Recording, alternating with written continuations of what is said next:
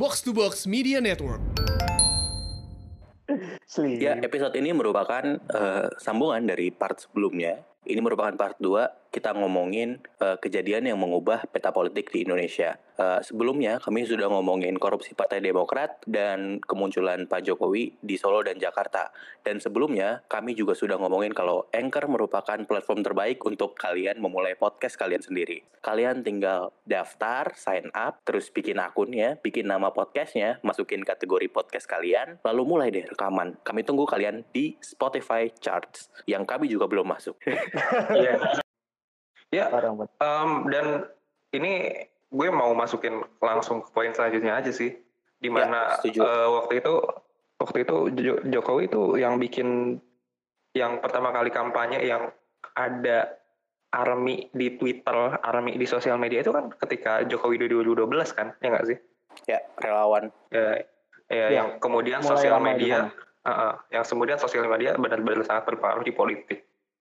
Nah, Yes. Em, itu 2012 sampai 2019 itu masih sangat-sangat sangat-sangat em, apa ya sangat-sangat signifikan dan berpengaruh menurut gue sangat-sangat relevan gitu. Ya, betul. Apakah apa Terhadap tapi kan hasil. kita eh, terhadap hasil Ya. jelas terhadap hasil terhadap percakapan gitu. Kita ngelihat risingnya influencer buzzer dan aktivis di Twitter gitu. Tapi apakah ini sebenarnya diskusi yang menarik apakah itu akan berlanjut di 2020 ke depan gitu? Karena kita sudah terlalu banyak em, capek gitu sama aktivis ataupun buzzer di Twitter gitu loh. Mereka sudah tidak ada kredibilitasnya lagi gitu. Jangan-jangan nanti yang Ah. didengarkan adalah podcaster-podcaster seperti kita ini. Jadi ada new influencer aja kayak ya new Dan influencer poster kita menjadi bagian juga nanti ke depannya. Iyalah, lo juga udah punya Ya. pegangan kan, Goy? Gak usah bohong. Oh. Eh tapi ya eh, jika eh, jika waktunya datang semoga jika kita tetap waktunya datang. jika waktunya datang semoga kita tetap berempat lah ya Eh, Gak Terus, sih, Ve. Tapi gak apa-apa. ke- kebetulan ini junjungannya beda-beda semua, jadi gimana dong? Yuk, lanjut yuk. fenomena tadi kan pertanyaannya fenomena buzzer tadi apakah akan terus efektif? Ah nggak akan terus terjadi ke depannya dan apakah akan terus efektif atau tidak iya nggak sih? Iya. Ah, dari sana kalau gue ngelihatnya akan terus terjadi dan juga akan terus efektif. Walaupun tingkat efektivitasnya mungkin lebih segmented ya. Nggak, karena pertama gini eh, kalau kita udah menyebut fenomena sebenarnya kan fenomena nggak tahu ya dari zaman 2012 kalau kita lihat di Twitter juga udah rame eh, pasukan arminya juga udah mulai ada tapi masih banyak juga orang-orang yang emang melaksanakan si buzzing tadi di media sosial Mhm. tanpa bentuknya terkoordinasi seperti sekarang ini. Mhm. Jadi yang mau disampaikan adalah bahwa efektivitasnya akan segmented atau akan nyampe ke target-target tertentu karena sekarang itu bentuknya udah jadi industri. Iya. Jadi mungkin kayak apa ya? eh ya inilah perdebatan-perdebatan indie versus industri gitu. Gue Iya. gue pengen gue pengen jawab pertanyaan itu tapi ada hubungannya sama pilpres 2019 jadi gue Hmm. gue gue apa gue ini dulu jawabannya gue simpen dulu Hmm. Karena akan lari ke sana ya.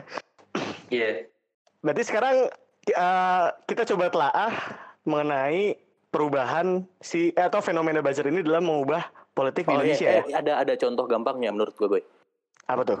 Oke, jadi contoh gampangnya itu kalau anggaplah di 2019 itu kita punya satu platform kayak Ya. Tokopedia yang ngejual semuanya di 2024 Ngejual itu data juga ya, data pribadi. ngejual data juga. Wah, jago deh, Goy. Bagus, Goy. Lagi ngejual semua. terus terus. Di 2024 itu lebih segmented. Jadi lo nggak bisa all in ke satu buzzer gitu. Lo harus ada ke platform online jualan dog food misalnya, platform online jualan Iya, pakaian, platform online jualan alat olahraga. Jadi menurut gua akan makin seperti itu sih. I see. Iya ya. Wah. wah ini ini satu topik sendiri sih menurut gue ya nggak Setuju gua. Gua poinnya banyak banget nih. Iya poinnya banyak banget gue kira yang buzzer polit buzzer dan twitter ini nggak akan terlalu banyak karena em, Oke, Karena tadi ini- kan dari tadi kita ke depan nih. Aha. Hmm. Nah, gue coba tarik ke belakang dulu ya, karena kan sebenarnya di sini kita mau nyampein tentang pemaknaan perubahannya kan. Iya, iya. Ya. Oke, ya jadi maksudnya eh, pertama si fenomena buzzer ini sebenarnya apa sih dan kenapa ini jadinya konotasinya negatif kan? Iya nggak sih? Ya, Iya, buat gue sih negatif. Oke. Dan pada buat akhirnya memang bahasan cinta Dennis Reger. bro, rezeki bisa datang dari mana aja, bro. Jangan dimatiin dari sekarang, bro. BTW ada cerita BMU Dennis GM sekarang udah endorse Shopee. Lo gimana? Enggak, enggak, enggak. Enggak, enggak, Itu BMU dari ya? sekarang, bro. Enggak, enggak. BMU enggak. GM. Siapa namanya? Itulah. Fatur, Fatur. Iya. Fatur, iya benar. Eh, eh, BTW tapi Dennis Reger tuh ada ini loh, ada wawancara eh, di di wawancara sama Reuters. Sama siapa? Sama Reuters, Reut- oh sorry, ABC.net. Oh, Reuters ya. Eh, enggak, Ah, ABC.net, oke. sorry. ABC.net Australia, Australia. Oke. Jadi dia ditanya, Terus? katanya dia dia pernah ditawari jadi buzzer. Hmm. Ini tahun berapa BTW? Ah, Just for itu background. 2000 2013. Ah, Dia ditawari jadi buzzer, bahkan katanya mau digaji sebesar 1000 dolar per bulan. terus Eh, tapi katanya sama dia ditolak. Karena kata dia Karena? buat apalah. ini gue pas baca berita ini kayak ini tuh kayak orang-orang yang gue bukannya mau sombong nih, tapi sama dia dilakuin. Iya. Itu tuh Atau buat At- buat apa? gue itu adalah eh, ekuivalen menjual jiwa ke iblis aja. Asli. Eh, tapi sumpah. tapi tidak tidak semua ba- nah balik ke definisi buzzernya ya. Kita tahu bahwa fenomena ini sebenarnya udah ada dari tahun 2012 mungkin kalau di Indonesia. Tapi saat Iya. itu belum ramai disebut sebagai buzzer kan. Dan bahkan juga ya banyak orang yang yang just do their endorsement aja kan terhadap sesuatu. Kenapa sekarang jadi masalah atau si fenomena buzzing ini menjadi masalah? Karena kalau kita lihat definisinya ya, dari sini kan sebenarnya buzzer atau buzzing procession ini kan intinya untuk ngebentuk opini publik kan. I- eh, terutama menggunakan media sosial. Tapi mulai ramai dan menjadi problem pada saat cara-cara yang digunakannya itu manipulatif. Eh, kenapa gue sebut manipulatif? Karena ini ada beberapa faktor ya. Yang pertama, makin ke sini kontennya itu makin banyak yang fake news. Mhm. Ya. itu jadi problem kan dan menjadi lebih parah pada saat konten ini tersebar di media sosial tanpa ada kurasi Ya. yang membedakannya dengan eh, jurnalistik terus kemudian Ya. eh, prinsip buzzer ini yang menarik adalah seperti prinsip-prinsip freelance Ya, Apa tuh? Eh, prinsip freelance karena prinsipnya tuh kan mereka ini profesional saya dapat klien siapa dia mau diangkat seperti apa positifnya ya. Ada juga yang nyediain eh, ini paket lengkap. Jadi sama mereka dikasih juga, ya oke lah nanti kita tampilkan juga sisi negatifnya. Tapi dari lawannya. Ya, Jadi secara nggak langsung prinsip tadi itu juga fokusnya sama sosok kan. Karena gimana pun yang dibawa klien. Kliennya Ya. siapa yang menyewa. Dan juga menurut gua eh, ini juga jadi problem karena ya tadi politik ketokohan juga salah satu hasil dari buzzer kan. Iya. Ya. Nah, dari sana di Indonesia sebenarnya kalau mau nyebutin mulai ningkatnya kapan, sebenarnya kita bisa bilang 2014 ya, dibanding 2012. Ya. Dan puncaknya mungkin 2017. Atau 19 lah. sekarang, atau sekarang Iya. ya. Ya, mak nggak tahu sih kapan puncaknya. Ini tuh seperti diagram COVID yang tidak turun-turun, naik terus. Ya, dari sana eh, kalau kita lihat fenomena-fenomenanya, yang jadi problem sekarang karena bentuknya udah kayak gitu, menurut gue ini tuh jadi jadi apa ya? Jadi perputaran roda ekonomi gak sih? Jelasnya? Nah, maksudnya adalah kenapa ini terus marak? Karena di sini berlaku hukum ekonomi berupa penawaran dan permintaan. Supply and demand. Supply and demand. Supply and demand-nya dari mana? Iya, kita tahu bahwa demand-nya adalah sekarang media sosial banyak digunakan. Dari sana dia tahu seberapa besar pengaruh atau orang-orang yang mau menggunakan tahu seberapa besar proporsi dari atau pengaruh dari si sosial media ini. Supply-nya adalah kebutuhan orang-orang mencari pekerjaan. Iya. Iya, karena ini dapat berita dari Reuters lagi. Ya, ini yang dari Reuters. Di Indonesia, mostly buzzernya itu adalah fresh graduate. Aduh. Artinya apa? Artinya lebih baik seperti kita kita. kita belum fresh graduate kan. Tapi kita tidak menjual jiwa kita kepada iblis seperti kata Ave. Berarti kalau Iya. ada ada gambaran buzzer itu merupakan orang di warnet terus ada satu orang yang merintah itu bener berarti ya gue ya. Mulai sekarang terus pada ketik. Betul betul. Karena eh, ini untuk sedikit nanti akan dibahas di poin selanjutnya ya mengenai Pilkada DKI Jakarta 2017. Reuters juga pernah buat penelitian terhadap penggunaan tim eh, penggunaan buzzer di tim kampanye Joko eh, Joko eh, Ahok Jarot. Hmm.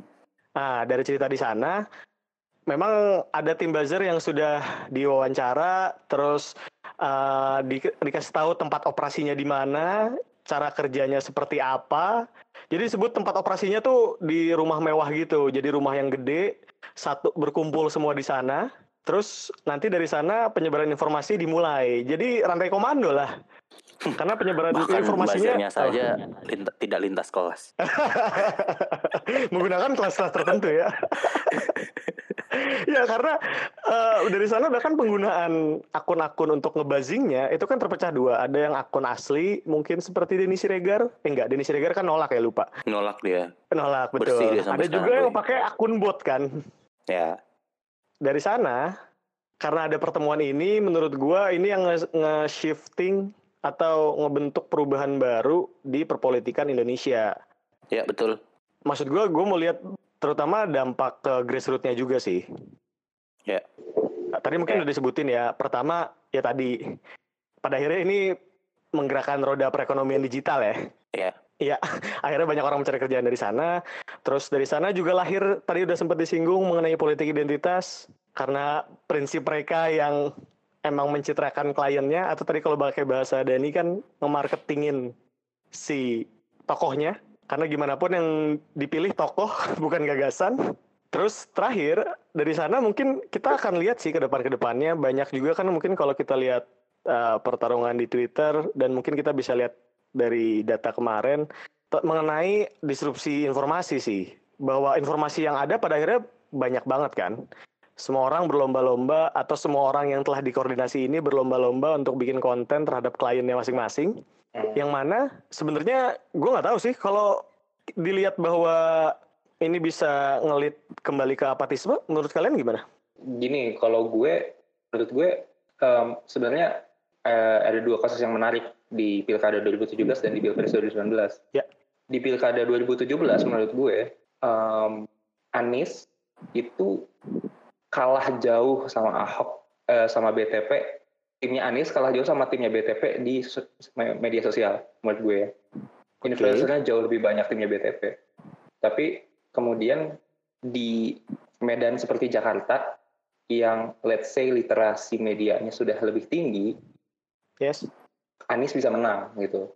Kemudian kita bisa eh, berdebat ya Anies bisa menang kar- karena apa ya? Ya. tapi menurut gue di pilkada Jakarta kemarin itu bisa di counter tuh em, strategi buzzing dan strategi eh, strategi buzzing dan strategi influencer di sosial media bisa di counter tuh nah tapi di pilpres 2019 balik lagi relevan lagi kenapa Hmm. karena ternyata literasi medianya Indonesia as a whole bukan cuma DKI Jakarta doang Ya. itu nggak nggak se nggak sebagus itu menurut gue. Ah, maka dari itu eh, sebenarnya sebenarnya kita em, menarik 2024 ini bakalan seperti apa? Karena empat kita bosen nggak sih kalau pada akhirnya pertarungannya di tempat yang sama gitu di medan yang sama di media sosial dan caranya masih sama. Karena di 2014 itu kejadian 2017 itu kemudian ada counternya sedikit 2019 balik lagi. 2014 2024 gue nggak tahu bakalan kayak gimana. V kalau Mungkin lebih 17 Kalau di 2017,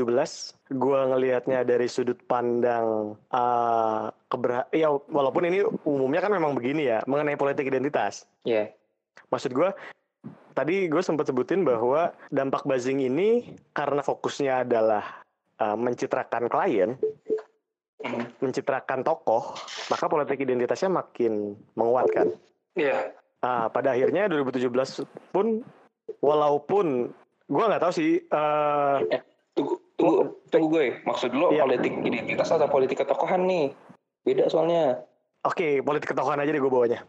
Nah, kalau identitas kan sebenarnya kan kayak, kayak Iya, iya lo tau lah identitas yang apa yang kemudian di, Iya, iya. dimajukan gitu kan. Tapi I kan see, I kalau Tapi oh iya, gitu. iya. Eh, oh iya oke boleh. Tapi maksud gue karena oh iya mm, mungkin agak ambigu karena di Jakarta ya. Karena maksud gue eh ketok politik ketokohan yang dilakukan topiknya adalah identitas. Hmm, Enggak dong, Goy. Ma- eh, Oke. maksud gue jadi pada saat lo mau ngejual klien lo kan ada banyak poinnya nih. hmm, Salah satunya kalau ideal adalah program dong. Ya, Iya, Iya idealnya atau baiknya. Iya. Tapi salah satu dari pilihan-pilihan tersebut karena waktu itu komoditasnya adalah identitas, maka yang dijadikan oleh buzzer-buzzer ini adalah si identitasnya. jadi fokusnya ke sana gitu. Iya, yang mana iya. Kayak lu Iya, jualan iya. panci yang dijual ya anti karat, we. bukan Nah, besinya iya. besi apa. iya jadi jadi kayak gitu tuh. jadi ya akan sulit ya gue khawatir ke depannya juga masih akan bermain di uh, ground field ini entahlah identitas mungkin akan karena masih komoditas panas ya identitas Ya dan gue juga tidak melihat tidak melihat eh, literasi media kita akan naik drastis di 2024 sih. Dan dan Betul. ini kalau boleh ngomongin 2017 dan buzzing ya. Kalau Ya. menurut gua gak tau sih ini omongannya Panji tapi gua setuju. Eh, Iya, apa gue tahu kalau banyak Ah. setuju Iya. Pak Anies tuh nggak menang, tapi Pak BTP yang kalah. Salah satu kesalahan Pak BTP adalah tidak membatasi eh, buzzing yang ada di Twitternya. Jadi kalau dilihat dari nomor tiga, nomor tiga itu Pak Anies ya. Mereka itu ngebagi dua kubu. Ada yang Hmm. tukang nyerang-nyerangnya, ada yang caur-caur, ada yang Ya. mainnya di level normal tuh. Jadi Hmm. kita nggak nyerang bagian situ-situnya, kita buzzing fokus aja di ini, ini, ini, ini. Yang satu di bawah tuh Hmm. fokus nyerang, tetap ngelempar, nunggangin isu itu.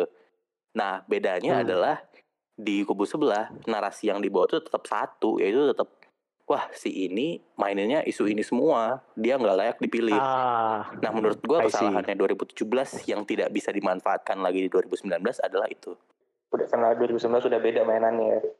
Ya, dan iya, dan sudah belajar dari sana lah ya Iya, gitu tidak ada kenapa kuota. 2019 Iya, nggak bisa ngeduplikasi 2017 tapi Eh. di 2024 kan sulit nih menggalakkan literasi literasi bermedia sosial Ya pesimis. Hmm. Ah, tidak semudah itu Ya. menurut kalian sosial media dalam hal ini yang digunakan ya yang mungkin kita bisa sebut Facebook, Twitter atau WhatsApp yang memang dipakai perlu ngebangun infrastruktur juga nggak sih yang memang bisa digunakan untuk melindungi demokrasi gue setuju ada ini sih ini pernah dibahas di Patriot Act eh, soal Cambridge Analytica jadi Ya. Facebook itu dia bertindak sebagai agregator konten tapi ketika Ya. dituntut akan konten yang dia agregasi dia nggak pernah mau bertanggung jawab artinya Hmm, I see. kalau lo nuntut Tempo Tempo itu bisa dituntut karena tulisannya tapi kalau lo nuntut Ya. Facebook dia akan berdalih di balik kebebasan berpendapat nah menurut gue oke harus ada undang-undang yang menyatakan sebenarnya teman-teman kayak Facebook, eh, Twitter, Instagram yang bekerja sebagai agregator informasi yang kita terima, mereka berhak ngapain aja? Apakah mereka punya Hmm. tanggung jawab buat menyaring konten atau mereka bisa Ya. mengedepankan itu tapi meniadakan poin agregator mereka? Artinya bubble-bubble Hmm. algoritma yang udah disusun ya dicabut lagi, nggak boleh ada.